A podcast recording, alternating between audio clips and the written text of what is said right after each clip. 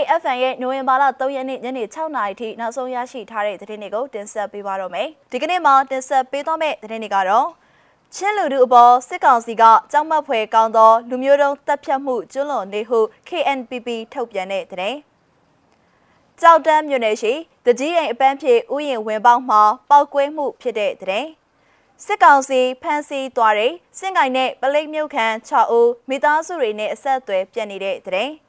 ခင်ပွန်းဖြစ်သူကိုမတွေ့ရဇနီးနဲ့နှစ်နှစ်အရွယ်ကလေးကိုစစ်ကောင်စီဖမ်းဆီးတယ်ဆိုတဲ့တဲ့အစရှိတဲ့သတင်းတွေကိုတင်ဆက်ပေးသွားမှာပါ။ဦးဆုံးသတင်းကတော့ချင်းလူလူအပေါ်စစ်ကောင်စီကကြောင်မဖွယ်ကောင်းသောလူမျိုးတုံးတပ်ဖြတ်မှုကျွလွန်နေဟု KNPP ထုတ်ပြန်တဲ့သတင်းကိုတင်ဆက်ပေးပါမယ်။ ချင်းပြည်နယ်မှာပြည်သူလူထုတွေလူနေအိမ်တွေနဲ့ခရီးရန်ကျောင်းတွေကိုစစ်ကောင်စီဟာရည်ရွယ်ချက်ရှိရှိဖျက်ဆီးနေပြီးကြောက်မက်ဖွယ်ကောင်းတဲ့လူမျိုးတုံးတပ်ဖြတ်မှုကိုကျူးလွန်နေတယ်လို့ KNI အမျိုးသားတိုးတက်ရေးပါတီ KNPP ဗဟိုဌာနချုပ်ကဒီကနေ့နိုဝင်ဘာလ3ရက်နေ့ရက်စွဲနဲ့ကြေညာချက်ထုတ်ပြန်လိုက်ပါတယ်။ချင်းပြည်နယ်အတွင်းဖြစ်ပျက်ခဲ့တဲ့လူအခွင့်အရေးချိုးဖောက်မှုတွေနဲ့အတူလူနေအိမ်နဲ့ခရီးရန်ဖျားကျောင်းတွေကိုဖျက်ဆီးခြင်း အပြစ်မဲ့ပြည်သူလူထုအပေါ်မှာလူမျိုးတုံးတပ်ဖြတ်နေမှုလောက်ရများကဲ့သို့ KNY ပြည်နယ်မှာလည်းအလားတူလောက်ရတွေကိုအာဏာသိမ်းစစ်ကောင်စီကကျူးလွန်နေတယ်လို့ KNPP ရဲ့ထုတ်ပြန်ချက်ထဲမှာဖော်ပြထားပါတယ်။အာဏာသိမ်းစစ်ကောင်စီဟာတိုင်းရင်းသားလူမျိုးတွေရဲ့အမျိုးသားတန်းတူရေးကိုပိုင်ပြဋ္ဌာန်းခွင့်နဲ့ Federal Democracy ပြည်ထောင်စုတည်ဆောက်ရေးဖြစ်တဲ့နိုင်ငံရေးတောင်းဆိုမှုတွေအပေါ်မှာဥပက္ခပြုဖျက်ဆီးဖို့အတွက်တမင်ရည်ရွယ်ချက်လှုပ်ဆောင်နေခြင်းဖြစ်တယ်လို့ KNPP ကဆိုပါတယ်။ ချင်းပြည်နယ်ပါဝင်မြန်မာပြည်သူလူထုတွေအပေါ်မှာစစ်ကောင်စီကကျူးလွန်နေတဲ့စစ်ရာဇဝတ်မှုတွေကိုကန့်ကွက်ရှုတ်ချကြောင်းနဲ့ဒီမိုကရေစီလမ်းပေါ်ပြန်လည်ရှောင်လှမ်းနိုင်ရေးကြိုးပမ်းနေကြသူတွေအားလုံးနဲ့ပူးပေါင်းပြီးဆက်လက်တိုက်ပွဲဝင်သွားမှာဖြစ်ကြောင်းကိုလည်း KNPP ကထုတ်ပြန်ထားပါတယ်။ အော်တိုဘာလ29ရက်နေ့မနက်ပိုင်းကနေစတင်ပြီးချင်းပြည်နယ်ထန်တလန်မြို့ပေါ်မှာစစ်တပ်ကလက်နက်ကြီးတွေနဲ့ပစ်ခတ်မှုမီးရှို့မှုတွေကြောင့်ဖျားကြောင်နှစ်ကြောင်အပါအဝင်ရက်ကွက်၅ခုကလူနေအိမ်စုစုပေါင်း164လုံးမီးလောင်ဆုံးရှုံးခဲ့ကြောင်းဒေသခံတွေကောက်ယူထားတဲ့စီးရင်တွေအရသိရပါတယ်ရှင်။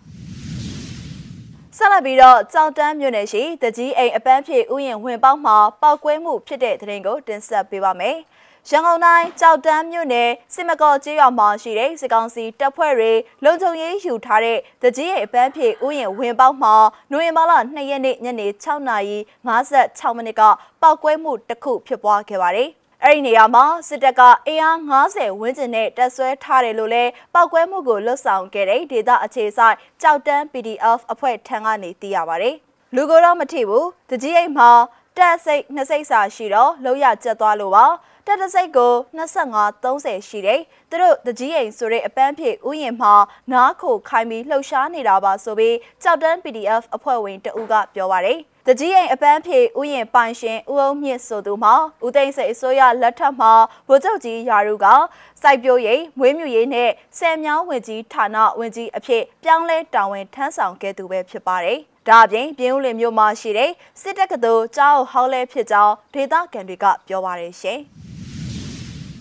ဆက်လက်ပြီးတော့စစ်ကောင်စီကဖမ်းဆီးသွားတဲ့စင်ကိုင်နဲ့ပလိမ့်မျိုးကန်6ဦးမိသားစုတွေနဲ့အဆက်အသွယ်ပြတ်နေတဲ့ဆိုတဲ့သတင်းကိုတင်ဆက်ပေးကြပါမယ်။စင်ကိုင်ဒေသကာကွယ်ရေးတပ်ဖွဲ့နဲ့ပတ်သက်တဲ့ဆိုတဲ့ဆွဆွဲချက်နဲ့စစ်ကောင်စီကဖမ်းဆီးသွားတဲ့စင်ကိုင်မြို့နယ်ပလိမ့်မျိုးမှဒေသခံ6ဦးဟာမိသားစုနဲ့အဆက်အသွယ်ပြတ်နေတယ်လို့ဒေသခံတွေကပြောပါရယ်။ ပလိမ့်မြို့ဘူတာကွက်တစ်ရက်ကွက်ရှိအသက်50ဝန်းကျင်ဒေါ်အေဝင်းနဲ့ဒေါ်ချောစုတို့ကိုစစ်ကောင်စီတပ်ကအော်တိုဘာလ29ရက်နေ့မနက်10:00နာရီဝန်းကျင်မှာဖမ်းဆီးခဲ့ပါတယ်။ စင်ကိုင်မြို့မှာရှိတဲ့ဝင်းကွန်းရဆိုင်ပိုင်ရှင်ဦးဖိုးဝါနဲ့ကွန်းရလာဝဲတဲ့လူငယ်၃ဦးကိုလည်းအော်တိုဘာလ29ရက်နေ့နေ့လယ်တနာရီမှာစစ်တပ်ကဖမ်းဆီးသွားပါတယ်။ဖမ်းဆီးခံထားရတဲ့စေကိုင်းမျိုးမှအမျိုးသား၄ဦးကိုအော်တိုဘာလ28ရက်နေ့ကအသက်ခံခဲ့ရတဲ့ပလိမ်မျိုးနယ်ဝန်ထမ်းကွက်တစ်အုပ်ချုပ်ရေးမှုကိစ္စနဲ့ပတ်သက်ပြီးစစ်တပ်ကဝန်ခံခိုင်းကအကြမ်းဖက်ပုံမှန်တစ်ခုဆွတ်တက်ထားကြောင်းလဲသတင်းရင်းမြစ်ကပြောပါရယ် ဖန်စီခံရသူတွေကိုစင်ကာရဲစခန်းကပလိတ်ရဲစခန်းအဲအနေတဆင့်ထုံးဖို့ရွာကိုခေါ်ဆောင်သွားကလက်ရှိမှာညီသည့်နေရာမှာရှိနေမှန်းမသိရဘဲမိသားစုတွေနဲ့အဆက်အသွယ်ပြတ်နေကြောင်းသိရပါတယ်စင်ကိုင်မြို့နယ်ဒေသကာကွယ်ရေးတပ်ဖွဲ့ LPDF ကအခုဖမ်းဆီးခံရတဲ့အမျိုးသမီးတွေဟာမိမိတို့နဲ့မပတ်သက်ဘူးကြောင်းအမျိုးသားတွေကလည်းတပ်ဖွဲ့ဝင်မဟုတ်ကြောင်းဒလန်မှုအတွက် PDF တွေကိုဖမ်းမမိတာကြောင့်ပြည်သူတွေကိုမတရားဖမ်းသွားခြင်းပဲဖြစ်ကြောင်းပြောပါရရှင်။ နောက်ဆုံးသတင်းအနေနဲ့ခင်ပွန်းဖြစ်သူကိုမတွေ့၍ဇနီးနဲ့နှစ်နှစ်အရွယ်ကလေးကိုဖမ်းဆီးသွားတယ်ဆိုတဲ့သတင်းကိုတင်ဆက်ပေးကြပါမယ်။ဒဝဲခရိုင်နောင်းလုံမြို့နယ်အောက်ရေဖြူကျေးရွာအုပ်စုဂရက်ငယ်ထိန်ကျေးရွာမှာခင်မုန်းဖြစ်သူကိုလာရောက်ဖမ်းဆီးရမှာမတွေ့တဲ့အတွက်သူ့ရဲ့ဇနီးနဲ့နှစ်နှစ်အရွယ်ကလေးအပြင်ဦးလေးဖြစ်သူကိုပါစစ်ကောင်စီတပ်ကဖမ်းဆီးသွားတယ်လို့ဒေသခံတွေကပြောပါတယ် ဒီကနေ့နိုဝင်ဘာလ3ရက်နေ့မနက်4နာရီခွဲဝန်းကျင်မှာကိုလူလူစော်ကိုစစ်ကောင်စီကလာရောက်ဖမ်းဆီးရမှာကာယကံရှင်ကိုမတွေ့တာကြောင့်ဇနီးဖြစ်သူမတ်ဇူလိုင်ဝင်းခေါ်မမီချေနှစ်နှစ်အရွယ်ကလေးဖြစ်သူနဲ့ကိုလူလူစော်နဲ့ဦးလေးတော်ဆက်သူဦးစော်ဝင်းတို့ကိုဖမ်းဆီးသွားခြင်းပဲဖြစ်ပါတယ်။ ကားလေးစီးနဲ့အင်အား20လောက်အင်ကိုလာဝိုင်းနေကိုလူလူစော်ကမင်းညကအိမ်မမအိပ်ဖြစ်တော့လွတ်သွားတာသူတို့ဘက်ကအစွမ်းစားရှိရင်ကာယကံရှင်ကိုရအောင်ဖမ်းမောအခုကသူတို့ဖမ်းချင်တဲ့သူကိုမတွေ့ရင်မိသားစုကိုဖမ်းနေအိမ်မီးရှို့တာတွေကိုတော့အပြင်းထန်ရှုတ်ချပါတယ်ဆိုပြီးအောက်ရည်ဖြူရောဒေတာကန်တူကပြောပါတယ်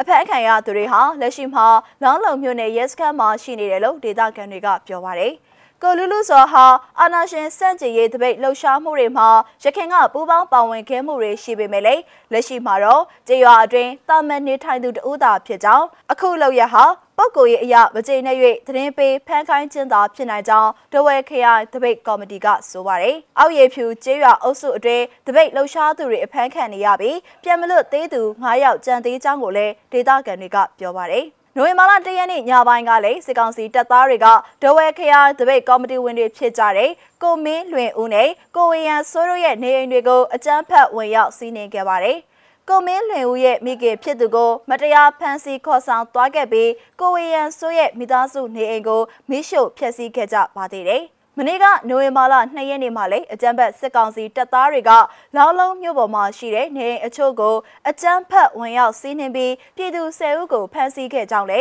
ဒဝဲခရိုင်တပိတ်ကော်မတီကသတင်းထုတ်ပြန်ထားပါတယ်ရှင်။ Huawei FM ရဲ့နိုဝင်ဘာလ3ရက်နေ့ညနေ6နာရီထိနောက်ဆုံးရရှိထားတဲ့သတင်းတွေကိုတင်ဆက်ပေးခဲ့တာပါ။နားဆင်ပေးခဲ့တဲ့အတွက်ကျေးဇူးတင်ပါတယ်ရှင်။